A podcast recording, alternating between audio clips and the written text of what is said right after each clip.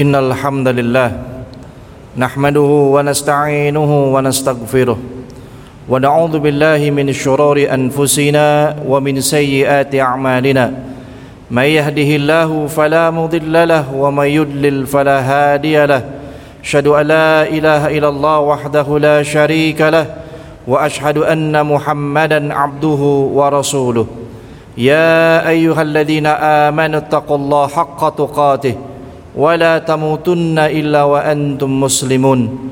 يا أيها الناس اتقوا ربكم الذي خلقكم من نفس واحدة وخلق منها زوجها وبث منهما رجالا كثيرا ونساء واتقوا الله الذي تساءلون به والأرحام إن الله كان عليكم رقيبا. يا أيها الذين آمنوا اتقوا الله وقولوا قولا سديدا. يصلح لكم أعمالكم ويغفر لكم ذنوبكم. ومن يطع الله ورسوله فقد فاز فوزا عظيما. أما بعد فإن أصدق الحديث كتاب الله وخير الهدى هدى محمد صلى الله عليه وعلى آله وسلم. وشر الأمور محدثاتها فإن كل محدثة بدعة وكل بدعة ضلالة وكل ضلالة في النار. اللهم فصل وسلم على هذا النبي الكريم وعلى آله وصحبه وسلم. فيا عباد الله أوصيكم ونفسي بتقوى الله والسمع والطاعة لعلكم تفلحون. إخوة الإسلام عزكم الله. Para hadirin jamaah sidang Jumat yang dimuliakan oleh Allah Subhanahu wa taala untuk mengawali sidang Jumat pada kesempatan siang hari ini. Senantiasa khatib mengajak kepada diri khatib pribadi dan tentunya mengajak kepada jamaah secara umum untuk selalu dan terus meningkatkan kualitas keimanan dan ketakwaan kita tentunya hanyalah kepada Allah Subhanahu wa taala. Bihaqqi tuqatih dengan sebenar-benar bentuk keimanan dan dengan sebenar-benar bentuk ketakwaan hanya kepada Allah Subhanahu wa taala. Artinya kita hanya menjadikan Allah Subhanahu wa taala satu-satunya zat yang paling pantas untuk kita ibadahi. Kita tidak melakukan permintaan dalam artian ibadah ataupun kita melakukan permohonan dalam artian ubudiyah kecuali satu-satunya hak permintaan dan permohonan itu hanyalah kita tujukan kepada Allah Subhanahu wa taala sebagaimana yang telah diperintahkan oleh Rasulullah sallallahu alaihi wa ala alihi wasallam idza sa'alta fas'alillah wa idza ista'anta fasta'in billah. Jika kalian ingin meminta maka mintalah langsung hanya kepada Allah. Dan ketika kalian hendak memohon pertolongan al-isti'anah maka mintalah pertolongan itu kepada yang mendatangkan pertolongan bagi kehidupan umat manusia. Karena sesungguhnya satu-satunya pertolongan itu hanyalah datangnya dari Allah Subhanahu wa taala. Iyyaka na'budu wa iyyaka nasta'in. Hanya kepada Allah Subhanahu wa taala kita semua beribadah. Dan tentunya juga hanya kepada Allah Subhanahu wa taala kita semua meminta dan memohon pertolongan. Salawat dan salam selalu dan terus kita sampaikan kepada suri tauladan kita uswah dan qudwah terbaik di atas kehidupan kita sebagai orang-orang yang beriman Rasulullah sallallahu alaihi wasallam salawat dan juga salam kita sampaikan kepada ahlal bait keluarga besar beliau, istri-istri beliau dan anak-anak keturunan beliau. Salawat dan juga salam kita sampaikan kepada para sahabat dan sahabiah radhiyallahu taala anhum ajma'in. Dan juga salawat dan salam khususnya doa senantiasa kita sampaikan kepada seluruh kaum muslimin kepada orang-orang yang istiqamah. Berada di atas jalan berada di atas tuntunan berada di atas manhaj berada di atas sunnah Rasulullah sallallahu alaihi wasallam sampai tibanya yaumul qiyamah. Ikhwatal islam azakumullah para hadirin jamaah sedang Jumat yang dimuliakan oleh Allah Subhanahu wa taala telah disebutkan oleh para ulama berkaitan dengan ibadah saum ataupun ibadah siyam yang awal kali ditetapkan oleh Allah Subhanahu wa taala di dalam pelaksanaannya.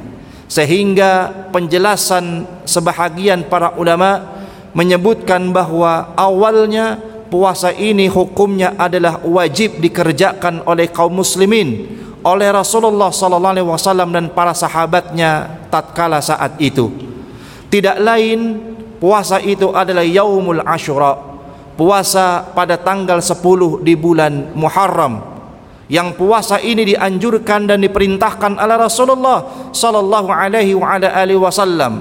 Karena di dalam riwayat yang sahih yang datang dari sahabat Abdullah ibnu Abbas radhiyallahu taala an di mana Nabi sallallahu alaihi wasallam pernah berjumpa dan bertemu dengan orang-orang Yahudi yang berada di Madinah. Kemudian Nabi wasallam bertanya kepada para sahabatnya, mereka sedang puasa. Alasan apa mereka berpuasa pada hari ini? Para sahabat pun menjelaskan sesungguhnya ya Rasulullah mereka berpuasa pada hari ini dalam rangka bersyukur kepada Allah Subhanahu wa taala atas diselamatkannya Nabi Musa alaihi salatu dari kejaran Firaun dan bala tentaranya. Karena dalam rangka itulah kemudian Nabi Musa alaihi salatu wassalam berpuasa pada hari tersebut.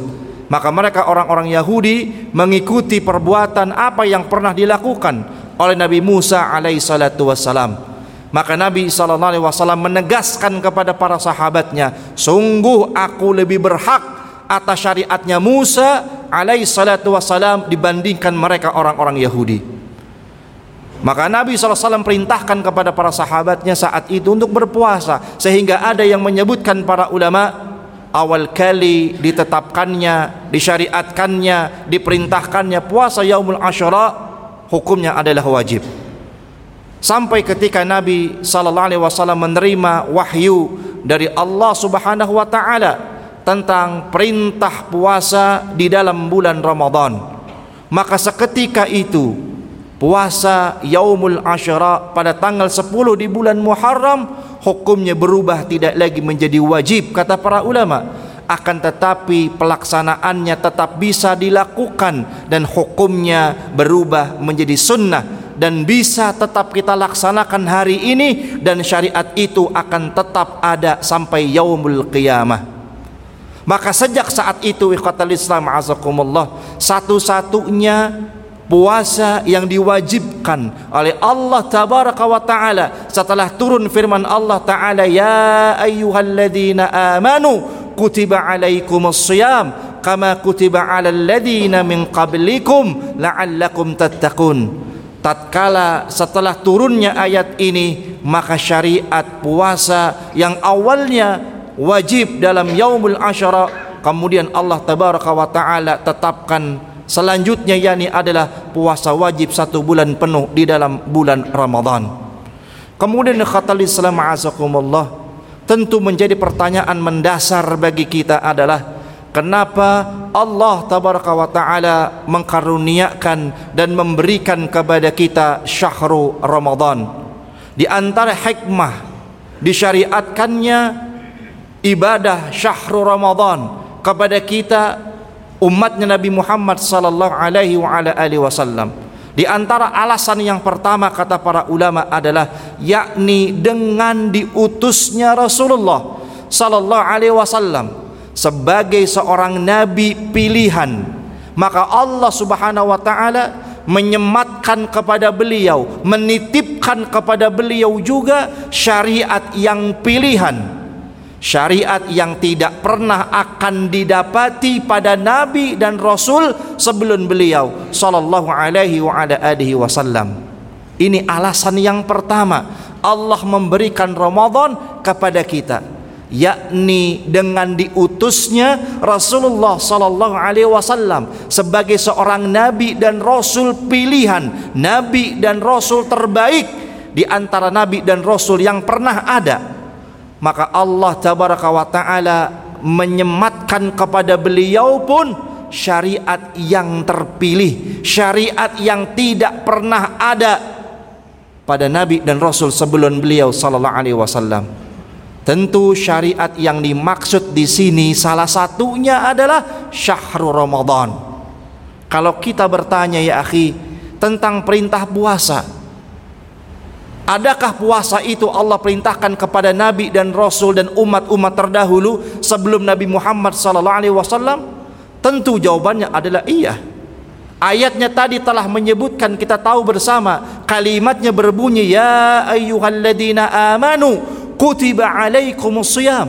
Hai orang-orang yang beriman telah diwajibkan atas kalian untuk siam untuk melaksanakan ibadah puasa dan Allah mengatakan kama kutiba alal ladina min qablikum. Sebagaimana dahulu sebelum kalian ada orang-orang beriman telah lebih dulu kata Allah.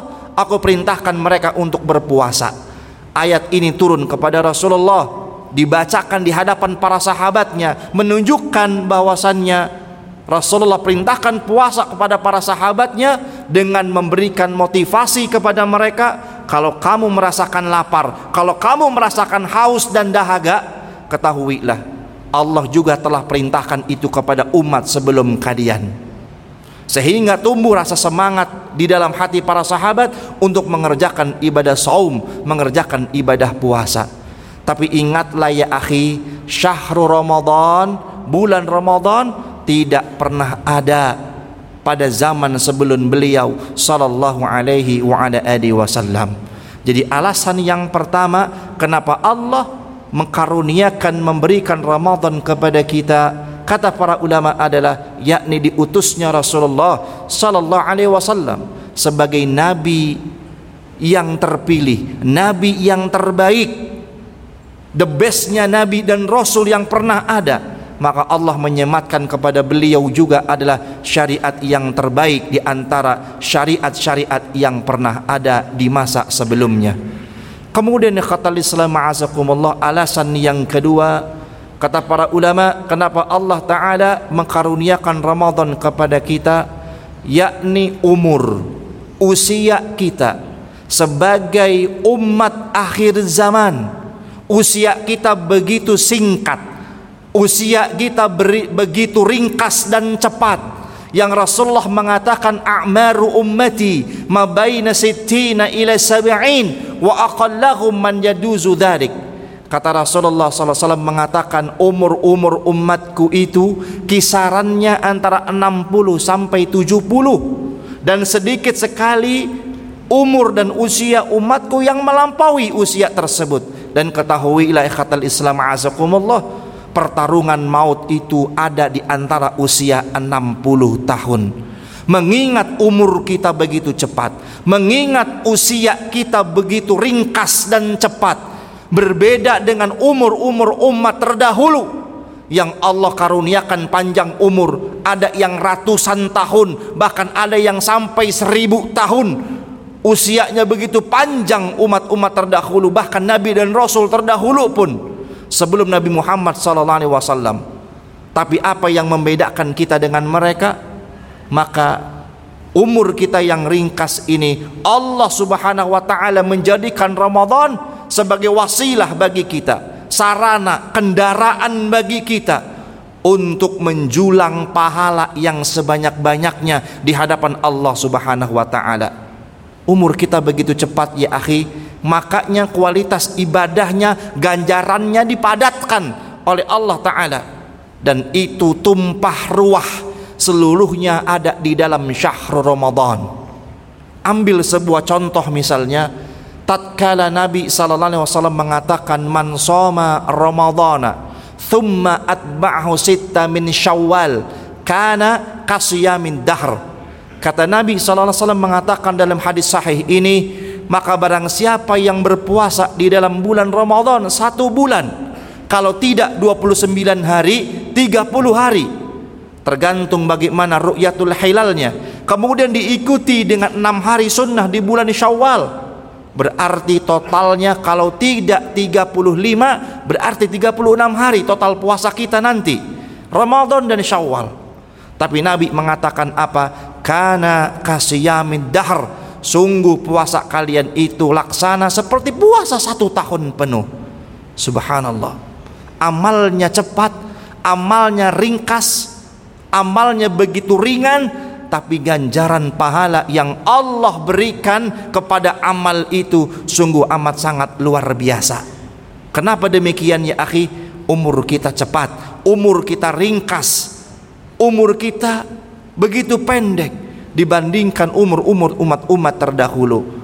Jadikanlah fasilitas VVIP ini Ramadan dari Allah Subhanahu wa taala sebagai wasilah bagi kita semuanya dalam rangka menjulang pahala kebaikan yang seluas-luasnya bertaburan amal-amal soleh di dalam bulan yang mulia ini maka jangan sampai kita termasuk orang-orang yang terlena kecuali setiap kesempatan itu kita raih dengan sebaik-baiknya dalam rangka mendapatkan keutamaan-keutamaan pahala di hadapan Allah Subhanahu wa taala. Aqulu qawli hadha wa astaghfirullah alladhi li wa lakum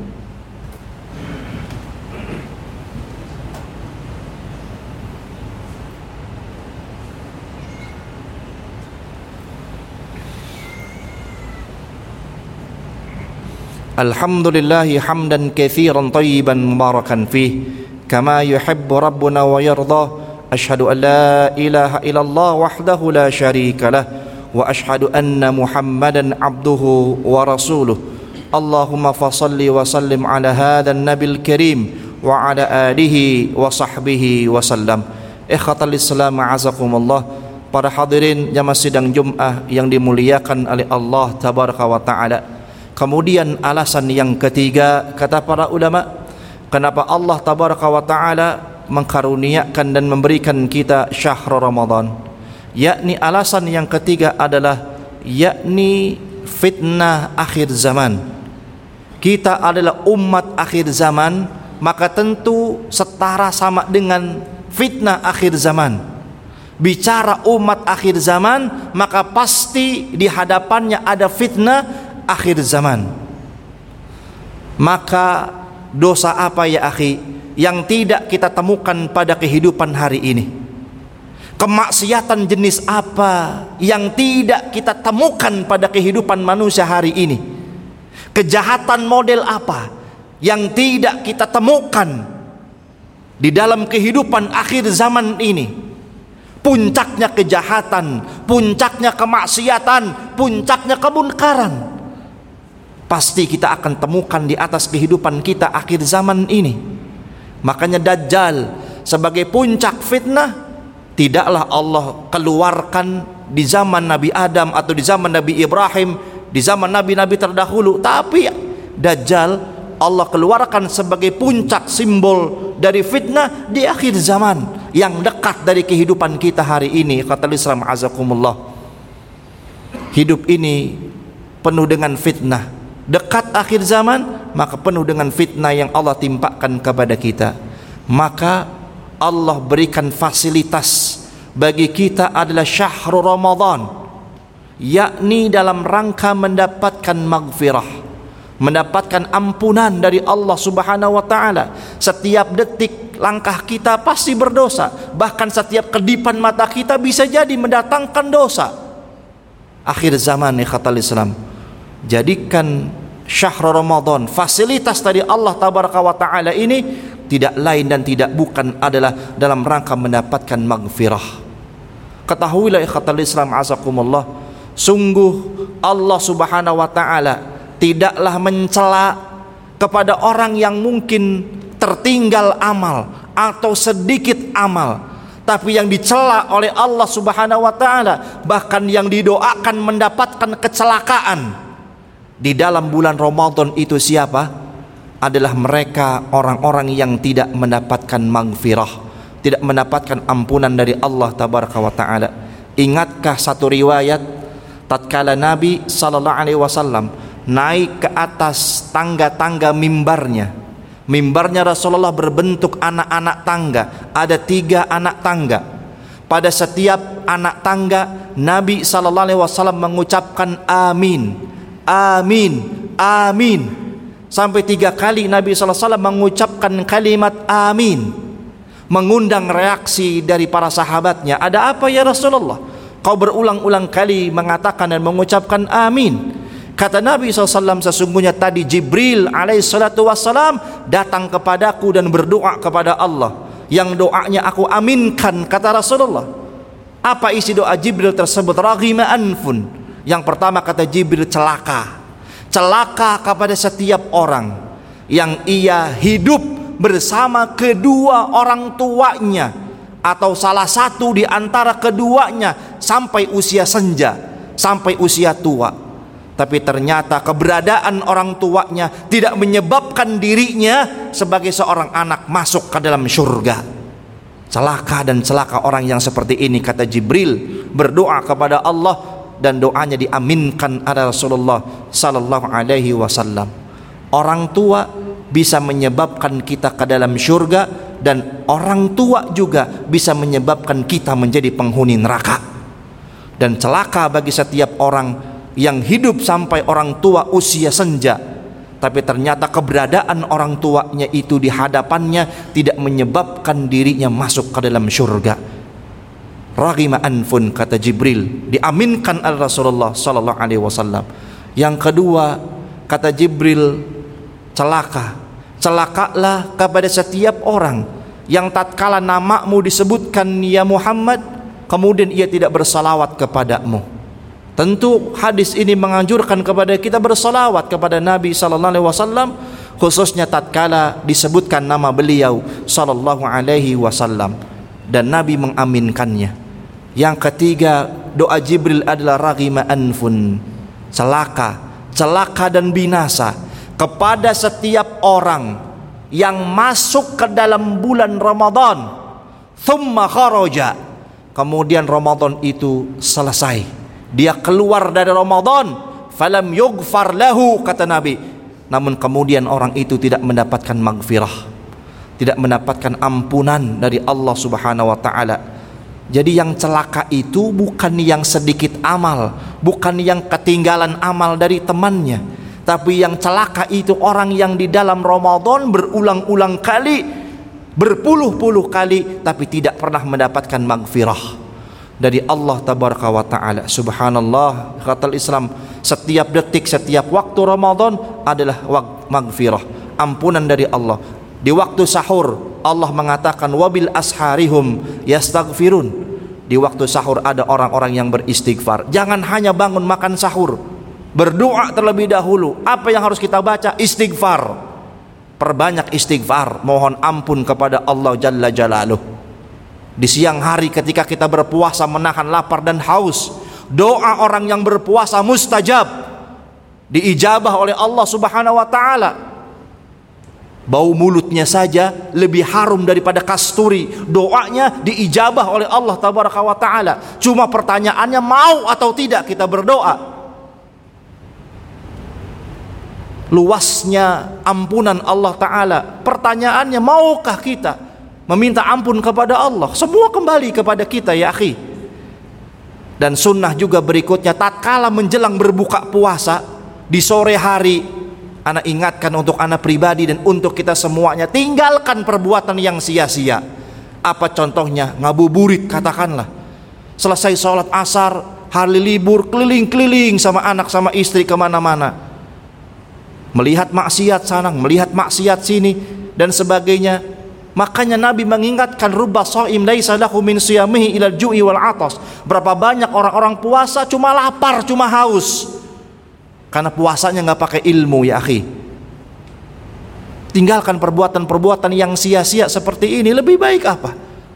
Datang ke majelis ilmu, datang ke kajian, baca Quran sebanyak-banyaknya. Kalau telah datang waktu menjelang berbuka puasa, jangan konsentrasi hanya kepada makan makanan saja di waktu-waktu itulah juga diijabahnya doa kita kepada Allah Ta'ala banyaklah mohon ampun kepada Allah Subhanahu Wa Ta'ala kalau antum yang pernah pergi ke tanah haram bertepatan dengan bulan Ramadan atau minimal hari Senin, hari Kamis tatkala mereka berpuasa sunnah Antum mungkin pernah ada yang menyaksikan kalau menjelang waktu berbuka banyak orang-orang yang berdiri di hadapan Masjidil Haram menghadapkan wajahnya ke hadapan Ka'bah mengangkat tangan. Ada yang dimulai dari habis sholat asar, ada yang satu jam sebelum berbuka, ada yang menjelang detik-detik berbuka, orang-orang mengangkat tangan sampai menghadapkan wajahnya ke hadapan Ka'bah. Ada apa dengan mereka? Berdoa kepada Allah Subhanahu wa taala. Karena mereka tahu waktu menjelang berbuka juga adalah waktu diijabahnya doa kita di hadapan Allah Subhanahu wa taala.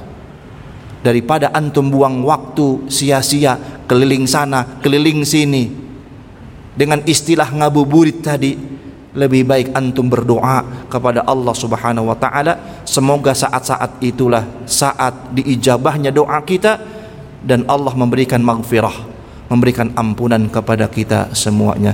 Ikhwatal Islam azakumullah semoga Allah panjangkan usia kita.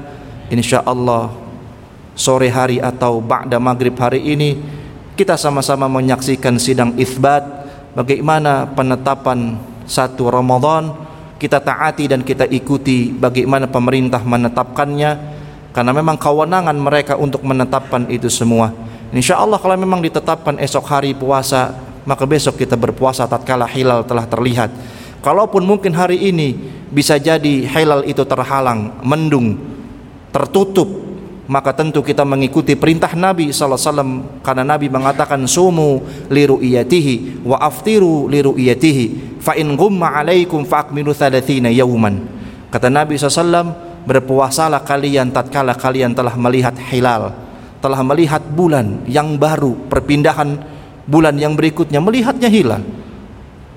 Dan berbukalah. Nanti maksudnya adalah berlebaranlah. Hari raya lah juga tatkala melihat hilal kalau mendung tertutup awan tidak terlihat hilal itu tidak nampak bulan itu fa'akmiluhu thalathina yauman. Sempurnakanlah bilangan bulan itu menjadi 30 hari. Kita ikuti dan taat kepada Rasulullah sallallahu alaihi wa ala alihi wasallam. Allahumma ighfir lil muslimina wal muslimat wal mu'minina wal mu'minat al ahya'i minhum wal amwat. Innaka sami'un qaribun mujibud da'wat. Ya qadiyal hajat اللهم أرنا حق حقا وارزقنا اتباعه وأرنا الباطل باطلا وارزقنا اجتنابه. ربنا اغفر لنا ولإخواننا الذين سبقونا بالإيمان ولا تجعل في قلوبنا غلا للذين آمنوا. ربنا إنك رؤوف رحيم. ربنا ظلمنا أنفسنا وإن لم تغفر لنا وترحمنا لنكونن من الخاسرين. ربنا آتنا في الدنيا حسنة wa fil akhirati hasana wa qina adzaban nar wa adkhilnal jannata ma'al abrar. Ya azizu ya ghaffar ya rabbal alamin. Wa sallallahu ala muhammadin wa ala alihi wa sahbihi wa sallam. Wa akhiru da'wana anil hamdulillahi rabbil alamin. Subhanakallahumma wa bihamdika ashhadu an la ilaha illa anta. Astaghfiruka wa atubu ilaik.